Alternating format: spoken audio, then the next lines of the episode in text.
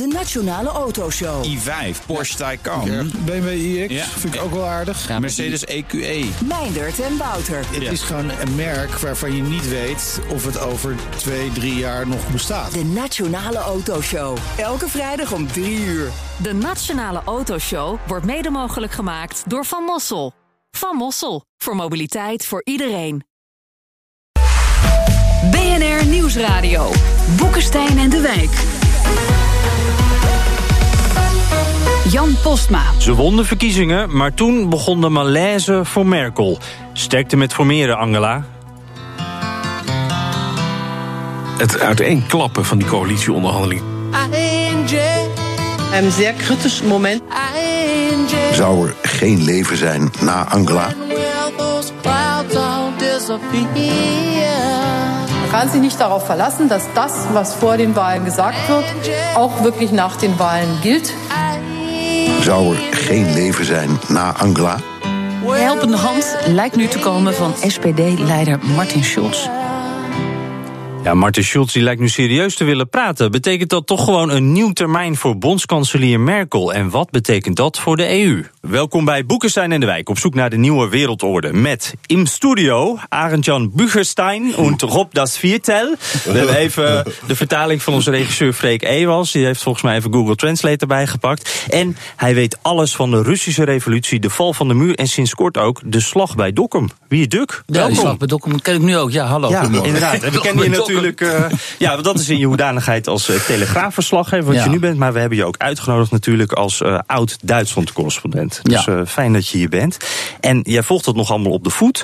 Ehm, ja, hoe, hoe wordt er op dit moment tegen Merkel aangekeken, denk jij? Nu we in midden in dit, eh, deze politieke impasse zitten. In Duitsland. Ja. ehm, nou, Duitsers houden totaal niet van instabiliteit. Dus wat er nu gebeurt, dat vinden zij een soort van nachtmerrie. en een groot deel eh, verwijt dat ook wel eh, Angela Merkel inmiddels. Omdat. ehm, veel commentatoren nu ook wel zien dat die crisis in die Duitse politiek mede is veroorzaakt door de aanpak van haar vluchtelingen, eh, van die vluchtelingencrisis in 2015, waardoor haar partij het gewoon niet goed heeft gedaan. Dus Mhm. eh, er heerst ehm, eh, vertwijfel, eigenlijk vertwijfeling over Merkel en over haar politiek functioneren. En dan even naar dat stuk lopen van, van die onderhandelingen, of, of dat stilvallen daarvan. Wat, wat was de rol, rol van het vlucht- vluchtelingendossier daarin? Nou ja, die onderhandelingen zijn afgedwongen met die coalitie, die Jamaica-coalitie, zoals dat wordt eh, genoemd, hè, met de Groenen en, de, ehm, en de. De Liberalen. gele en, en de rode. Ja, ja, de FD ja. Oh, Mede vanwege die eh, vluchtelingencrisis. Omdat door die vluchtelingencrisis op rechts die alternatief voor Duitsland is ontstaan. Een rechtspopulistische partij.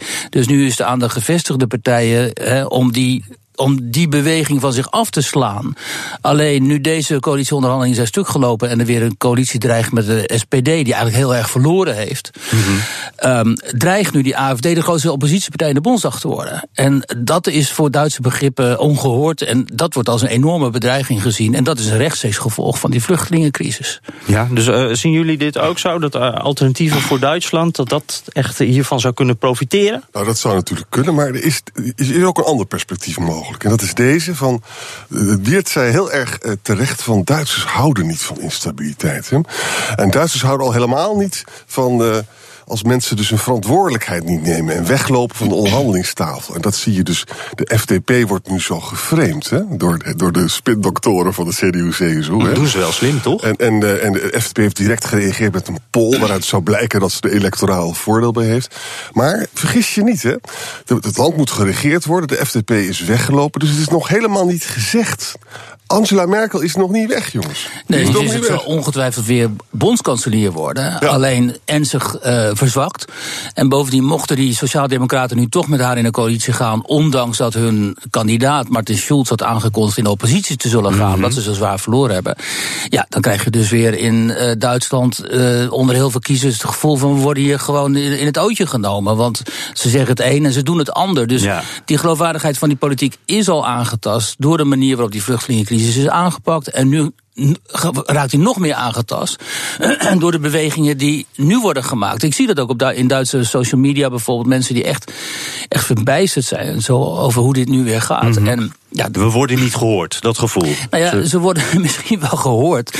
Alleen ze hebben geen idee meer waar ze aan toe zijn met deze ja, ja, politici. ja, er wordt niks mee gedaan. Dus ze vertrouwen sowieso de politiek al weinig. Dat is in heel Europa het Maar geval. ja, er zijn ook andere denkbeelden hoor, over die vluchtelingencrisis. Als je, en dat is ook een van de redenen waarom die hele formatie op de klip is eh, gelopen. Als je gewoon kijkt wat de groenen willen, die willen gezinshereniging. En dat betekent dus dat er echt honderdduizenden mensen bij wijze van spreken naar Duitsland kunnen komen.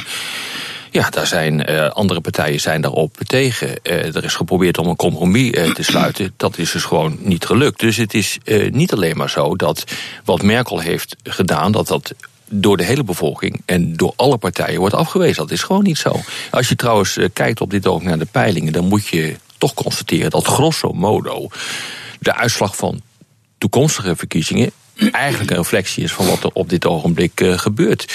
Dus, Dus je ik bedoelt, heb- er zou niet veel veranderen als er op Nee, de dat- verkiezingen komen? Nou, niet als je de huidige peilingen moet eh, geloven. En dat is ook wel vrij logisch, omdat eh, er wel een natuurlijke, eh, ja, natuurlijke hoogte zit aan de omvang van eh, eh, de alternatieven voor Duitsland. Ja, dat we- zegt altijd bij populisten, daar is een plafond. ja, er is altijd een plafond. En dat heeft gewoon ook te maken met de instelling van mensen en hoe negatief ze zijn over globalisering, over autoriteiten, de regering. En er zit gewoon een.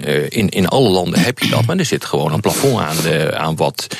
Eh, aan, aan dat type mens, wa- wat daarop eh, op, eh, op Ja, stemt. precies, aan het- nou ja, dat is wel zo. Eh, aan het type mens dat dan bereid is om op zo'n partij te stemmen. PVV, AFD, eh, Front Nationaal heb je het dan over. Alleen daar, daar, daarnaast ontwikkelt zich, net als in Nederland het geval is... een hele beweging van mensen die ook heel erg ontevreden Ja, zijn... maar niet op zo'n partij willen Ja. stemmen. In Nederland zien we het Forum voor Democratie vist in die vijver.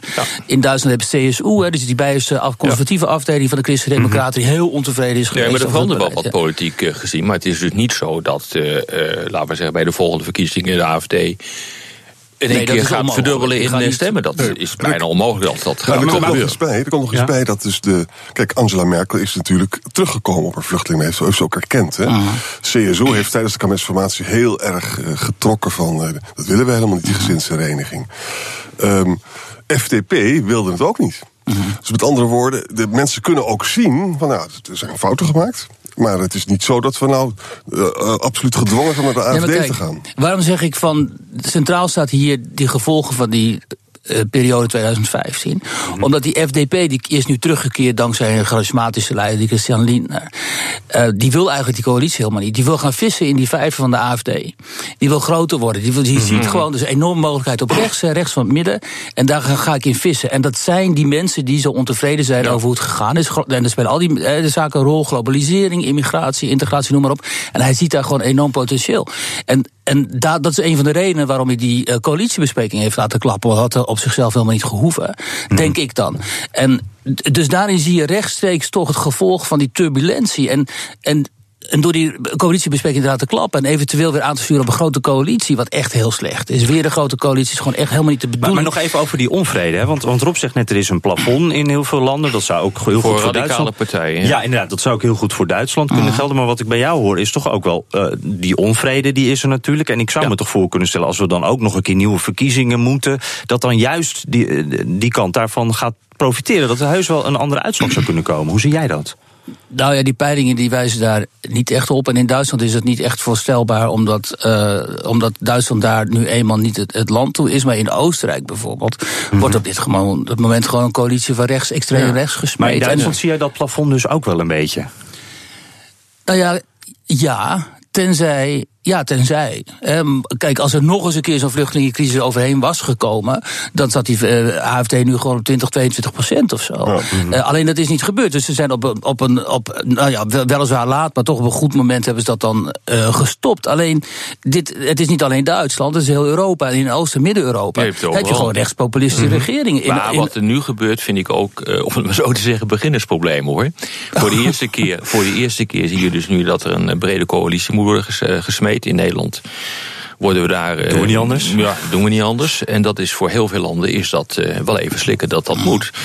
Eh, en dan zie je dus gewoon eh, dat partijen weg gaan lopen. En in Nederland wordt er dan onmiddellijk gezegd van dat doen ze om electorale reden of om eh, hun positie in de volgende ronde te versterken. Dat was ook het eh, gevoel dat we hadden bij eh, GroenLinks die, eh, die wegliep. Nou, eh, misschien komen ze dan weer terug en kunnen ze dan meer gaan eh, vragen. Maar in Duitsland is er denk ik wat anders aan de hand. Dit zijn ze gewoon nooit gewend geweest. Dus, eh, dus eh, Nou, weet je, dat, dat, is, dat is waar. En, en weet je, ik geloof, Wiert, ik geloof eigenlijk niet, dat is- je ziet het in de peiling ook niet, ik geloof eigenlijk het potentieel van AFD en ook van de FDP, hè, dat is eigenlijk heel erg beperkt. FDP is een partij die ik goed ken, hè, vanwege mijn verleden, laat ik het zo maar zeggen. Dat is een partij, dat wordt in Duitsland als een partij voor de rijke, Ja, geslaagde mensen. Maar denk je niet dat die Lindner nu dat imago aan het veranderen is en Hij probeert, daar een andere het. partij van te maken? Hij probeert het, maar eigenlijk is het zo dat de FDP nooit echt groot zal worden nee, in Duitsland. Wordt Ja, gezegd. altijd. rijke mensen. Die Maar, waarom zou dat dan? Want als, als daar inderdaad pogingen ondernomen worden, charismatische leider, dan kan daar toch best wat veranderen. Ja, maar de Duitsers die houden niet van, eh, van mensen die zich voor laten staan op hun rijkdom en zo. Daar houden ze niet van. En het tweede is, de AFD zelf is natuurlijk heel veel gebeurd. Hè? Ik heb twee jaar geleden, toen het nog een hele keurige economie-professorenpartij, toen zei ik eh, in de microfoon van, ik vind het zo raar dat de NOS dat een euroceptische partij, want het zijn gewoon keurige economen. Hè? Maar toen vervolgens, die jongen is er uitgestapt, weet je nog. Er komen hele onfrisse elementen erbij. Nou, dat laatste heeft ook een diepe indruk op de Duitse samenleving gemaakt. Mhm. Björn Hokke en zo, dat vinden we nou niet de meest geweldige man die er rondloopt. Nou, die moet je even. Wie was dat? Dat, Die- dat je dat, de, de, de- een van de leiders van die partij. Ja, ja, ja, maar nu dus, de, die, eh, dus dat nazi-monumentachtige constructie voor zijn huis is neergezet. Oh ja, dat was die- eh, inderdaad Ja. het, het Holocaust-monument in Berlijn. Dat hebben ze een beetje nagemaakt, geloof ik, hè, voor zijn... nou, eh, kijk, je hebt in, in, dat is altijd zo in Duitsland. Als dan zo'n rechtspopulistische partij opkomt, dan komen er altijd wat, uh, Arendtje al zegt, van die onfrisse nazi-achtige types in. En die Hukke, die zit daar in Oost-Duitsland. En dat is gewoon de, de meest radicale figuur. En als je dan ziet met wie hij zich omringt en zo, dat, ja, dat is gewoon diep, diep bruin. Daar wil je niks mee te maken hebben. Eh, dat is ook eh, voor die partijen. eh, dat is ook een reden dat heel veel. Dat die partij, een van de redenen waarom die partijen ook een maximum aan kiezers zullen trekken. Omdat heel veel Duitsers zich gewoon daar niet mee willen vereenzelvigen. Juist in Duitsland. Precies, juist ja. in Duitsland vanwege de oorlogsgeschiedenis en noem maar op. Daar zijn ze dus heel voorzichtig. Maar als, als, als die FDP. Kijk, partijen zijn op dit moment eh, vloeibaar, zeg maar. Het zijn bewegingen. Kijk wat Jesse Klaver met zijn GroenLinks doet. Die maakt een beweging van. Baudet maakt een beweging van dat Forum voor Democratie. Als die Linde er nou in zou slagen om van die FDP een soort beweging op centrum-rechts te maken. Waardoor hij die partij verandert en veel mensen naar zich toe weet te trekken. Omdat hij ziet dat, daar die, dat die christendemocraten daar toch een gat laten liggen. En dat Merkel zwaar verzwakt is, in althans haar imago. Ja, misschien dat ze daarop inzetten, die Nou, het kan ook snel vo- voorbij zijn hoor, dat verzwakken van dat imago. Als nu inderdaad eh, zal gaan blijken dat eh, de SPD erbij eh, gaat komen. En het zou mij niet verbazen als er een coalitie komt met de SPD. Nou, dan is het denk ik vrij snel, eh, vrij snel voorbij. Nou ja, dat is eigenlijk nieuws van vandaag. Hè, dat eh SPD alweer door de bocht is eigenlijk. En dat ze eh, be- meer of meer hebben besloten om toch coalitiebesprekingen aan te gaan. Dus ze krijgen gewoon weer die grote Eh, coalitie. maar daar hoor ik dan ook. Er er wordt, we weten het natuurlijk allemaal ook niet. Dus er wordt heel veel gespeculeerd. Hoe, hoe, hoe schat jij dat dan in? Als, als we nu een scenario van nieuwe verkiezingen of toch Oh, verder dan gaat gaten? dat gewoon gebeuren. Ik denk dat dat gewoon ik denk gaat dat die gebeuren. verkiezingen niet gaan komen. Nee. Dat is veel te ingewikkelder Ja, in, Duitsland. En daar is iedereen zich wel van En bewust. de reden Ja. waarom de SPD dus gedraaid is, want eh Martin Schulz zegt, ik wil absoluut niet nog een keer, hè, Mhm. is denk ik ook heel erg met de brexit te maken. En met Macron. Want, ze- en Macron. Want weet je, als dus eh, Duitsland zou verdeeld zou blijven en verzwakt zou zijn, Mhm. dan zou Theresa May weer extra eisen kunnen stellen. En de SPD is heel gevoelig voor dat soort argumenten. Ja. Maar nou- ja, nog Nou een heel klein... eh, ja. Toch wel even belangrijk. Nieuwe verkiezingen zijn bijna niet te organiseren op dit ogenblik in, eh, in Duitsland. Dat heeft gewoon te maken met de constitutie. Ja, dat is heel Waarin ingewikkeld, dat, dat is zo is ingewikkeld. nog nooit eerder gedaan ook, Het- geloof ik, hè? Nee, het is nooit eerder gedaan, maar het is zo ingewikkeld. Eh, Merkel kan geen nieuwe verkiezingen uitschrijven. Het parlement kan het ook niet doen. Dat kan alleen maar via allerlei trappen. En dan moet de president daar een centrale rol in spelen. Ja. Dat gaat maanden duren. Ja, Dan nou, zit je ergens in april of zo. Ja. Ja, en Arend Jan gaf net al een klein voorzetje. Eh, Europa, hoe zit het daar eigenlijk mee? Kan Europa op eigen benen staan zonder Moetie Merkel? BNR Nieuwsradio. Boekenstein en de Wijk. Op zoek naar de nieuwe wereldorde. Dit is Boekenstein en de Wijk. En ze waren bijna niet te houden, uh, dit uh, reclameblokje. Dat programma uh, van Arend Jan Boekenstein en Rob de Wijk natuurlijk. En onze gast Wier Duk, oud-Duitsland-correspondent tegenwoordig bij de Telegraaf. Mijn naam is Jan Posma en we hebben het over Merkel, Duitsland en ook de EU. Um, ja, uh, na de Duitse uh, verkiezingen uh, moest dan het moment van Europese hervormingen komen. Hè. Daar werd dan een beetje naar gekeken. Van er komt een beetje rust, dan kunnen we ook actie gaan ondernemen voor, voor Europa. Uh, Arend Jan, is dit dan ook het moment dat alles weer eventjes stilstaat? Of valt dat eigenlijk wel mee? Nou kijk, stel je eens voor dat we toch, ik moet gewoon een scenario schetsen.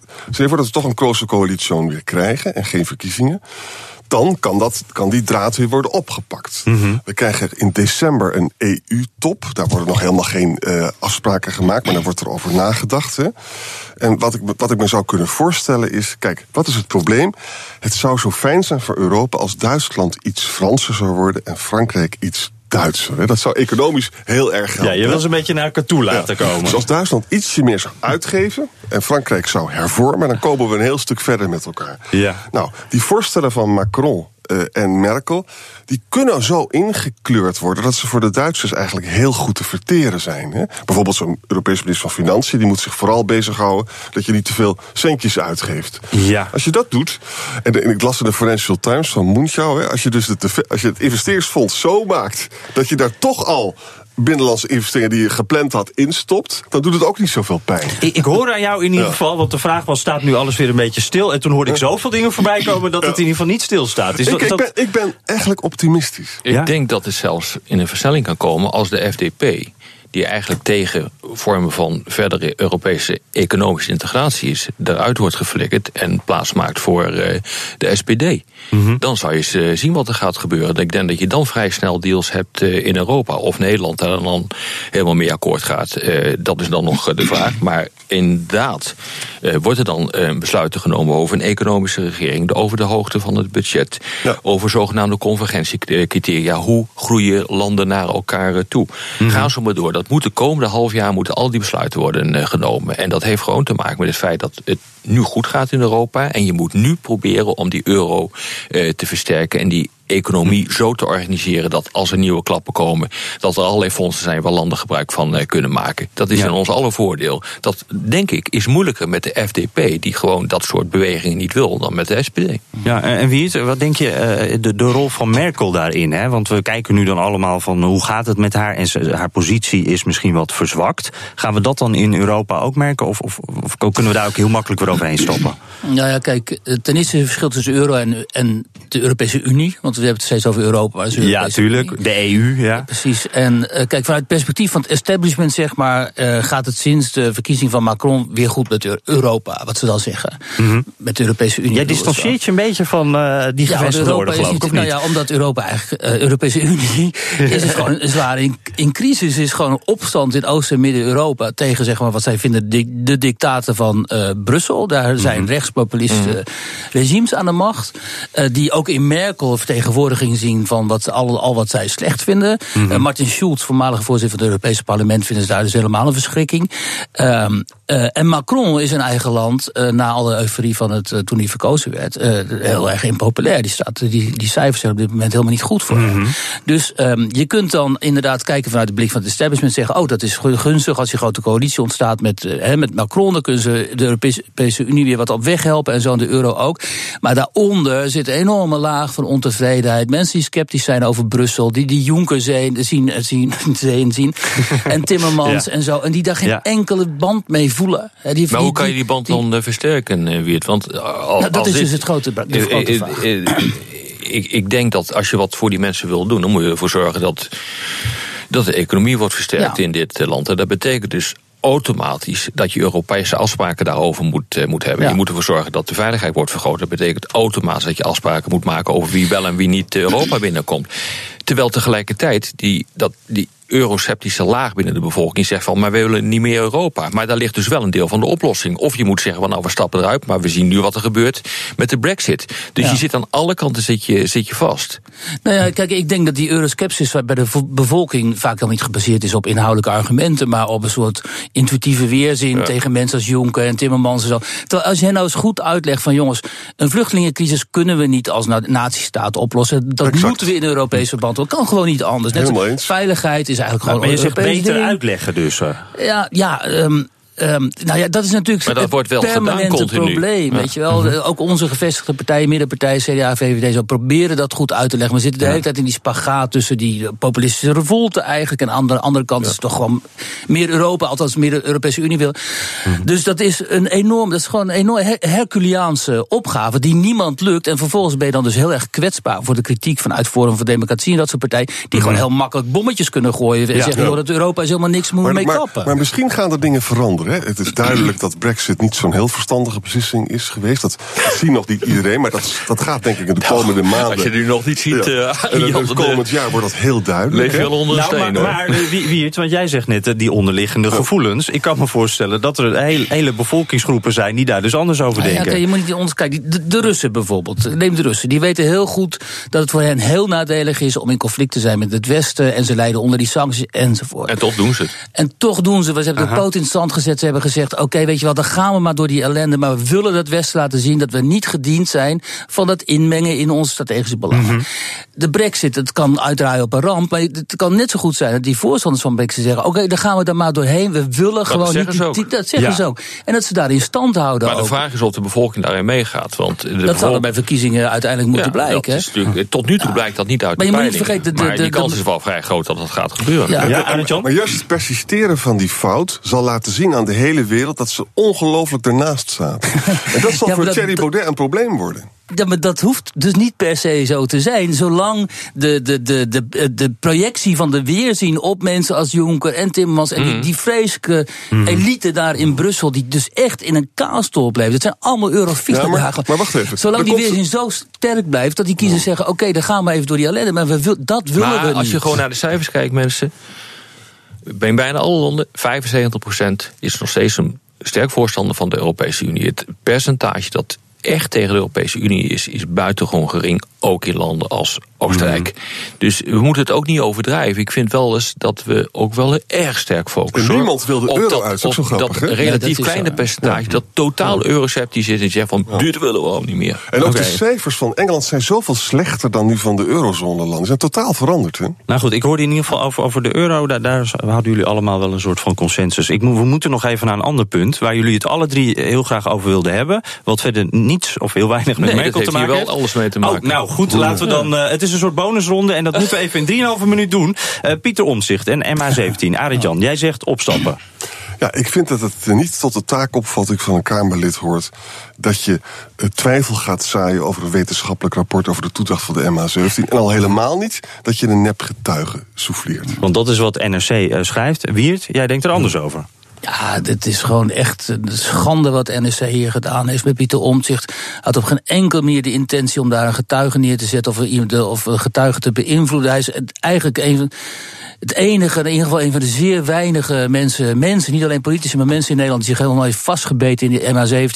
En echt alles in het werk gesteld heeft om daar aan waarheidsvinding Maar ja, te hij doen. heeft toch eh, die, Ah, ook- zogenaamde getuigen wel gesouffleerd in een grote Nee, dat heeft hij sms. niet, nee dat is, daar is geen sprake van. Dat blijkt ook uit het transcript. Als jullie het transcript hebben gelezen... en ze heeft Ja. eindelijk die transcript vrijgegeven...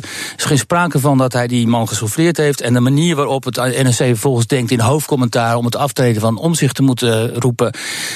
Ja, dat is gewoon een karaktermoord geweest. Dus het is eh, journalistiek ook heel interessant... omdat het eh, van geen kant klopt gewoon. Maar, maar luister, laat het op een ander niveau tillen dan. We hebben een afschuwelijk ongeluk gehad. 192 mensen hebben het leven gelaten. Hè? We, onze knapste koppen met witte jassen aan gaan proberen de toedracht te reconstrueren. Die zeggen het is een Russische buk. Is het dan verstandig om steeds maar weer over die toedracht twijfel te zijn. Dat is eigenlijk toch, toch immoreel naar de nabestaanden toe. En voor je Nou ja, rechtsstaat is het ook niet echt eh, bevorderlijk. Als je dat gaat doen, eh, dan zorg je ook gewoon... en daarom heeft dit alles te maken met de discussie die we eerder hadden. Mhm. Dit heeft gewoon te maken met het vertrouwen wat mensen hebben... in de politiek, in de rechtsstaat, in de instituties van de rechtsstaat. Ja, of dat kijk- nou de onderzoeksraad voor Ja. de veiligheid is... of de regering, het maakt allemaal niet uit. Maar er zijn gewoon Mensen vertrouwen persistente vragen. Bij het Oekraïne was betrokken bij het onderzoek, terwijl Oekraïne een van de mogelijke daders is geweest. Dus dat is al raar. Mhm. Die primaire radarbeelden die worden maar telkens niet vrijgegeven, dus we weten het niet. Eh, er is, eh, al- als die toedracht zo duidelijk is, dan zou er ook een eh, strafproces kunnen worden georganiseerd. Is er ook nog niet. Er zijn gewoon hele Mhm. Nee, persistente vragen. Een strafproces kan je pas organiseren als je precies weet welke mensen je voor het recht moet eh, dagen. En dat, er is een lijst. Alleen daar moet je dus wel bij kunnen komen bij eh, die mensen. Anders is het vrij Rusland simpel. Of anders ga je er dus bij, bij verstek doen. Dat zal sowieso niet gebeuren. En er wordt maar goed, zolang er geblokkeerd nog om dit persistente ogenblik Rusland. open, open zijn, ook al is dat rapporten, dan kun je toch, je kunt toch kanttekeningen plaatsen bij, dat, bij zo'n rapport. Ik zie helemaal niet wat daar fout aan is. En jij zegt dus ook zo'n omzicht, dat is misschien eh, zo'n luis in de pels die, die we ook best wel kunnen gebruiken dan. Ja, kijk, als Omtzigt is- nou een charlatan was in het parlement die niks deed, dan zou je denken: oké, weet je, zo'n aanval, zo'n persoonlijke aanval is misschien gerechtvaardigd. Maar, het is toch een een feit dat hij van gewoon een voor... hardwerkende Kamerlid. Ja, maar Ja, het is, ja, toch, ja, het is toch een feit dat hij, eh, dat hij regelde bij de organisatie dat, eh, eh, dat deze zogenaamde getuige kon gaan spreken. Ik bedoel, dat, dat, dat is toch een feit. Het is ook een feit dat deze getuige. Nee, hij heeft ervoor gezorgd dat die getuige niet een half uur een pleidooi ging houden voor zijn asielaanvraag.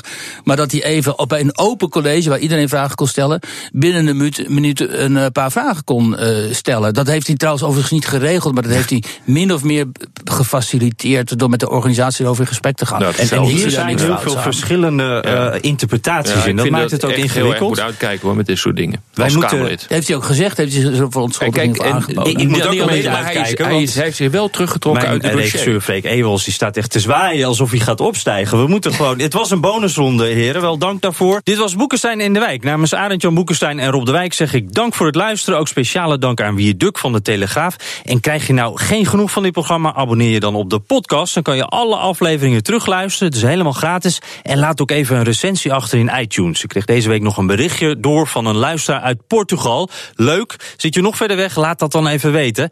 Ja, wij gaan weekend vieren. Arend Jan kijkt er wat dromerig bij. Wat zou hij denken? Zou er geen leven zijn na Angela? Tot volgende week. BNR Headlines. De hele dag binnen- en buitenlandse politiek. In Nederland hebben we geen munitiefabrieken. De hele dag economie. Vijf dagen in de week bezorgen, dat kan niet uit. De hele dag technologie. Amerikanen weer op de maan. Heb je eigenlijk geen tijd, maar wil je toch op de hoogte blijven? BNR Headlines. Het laatste nieuws, maar dan in het kort. Ga naar je podcast-app en abonneer je op BNR Headlines.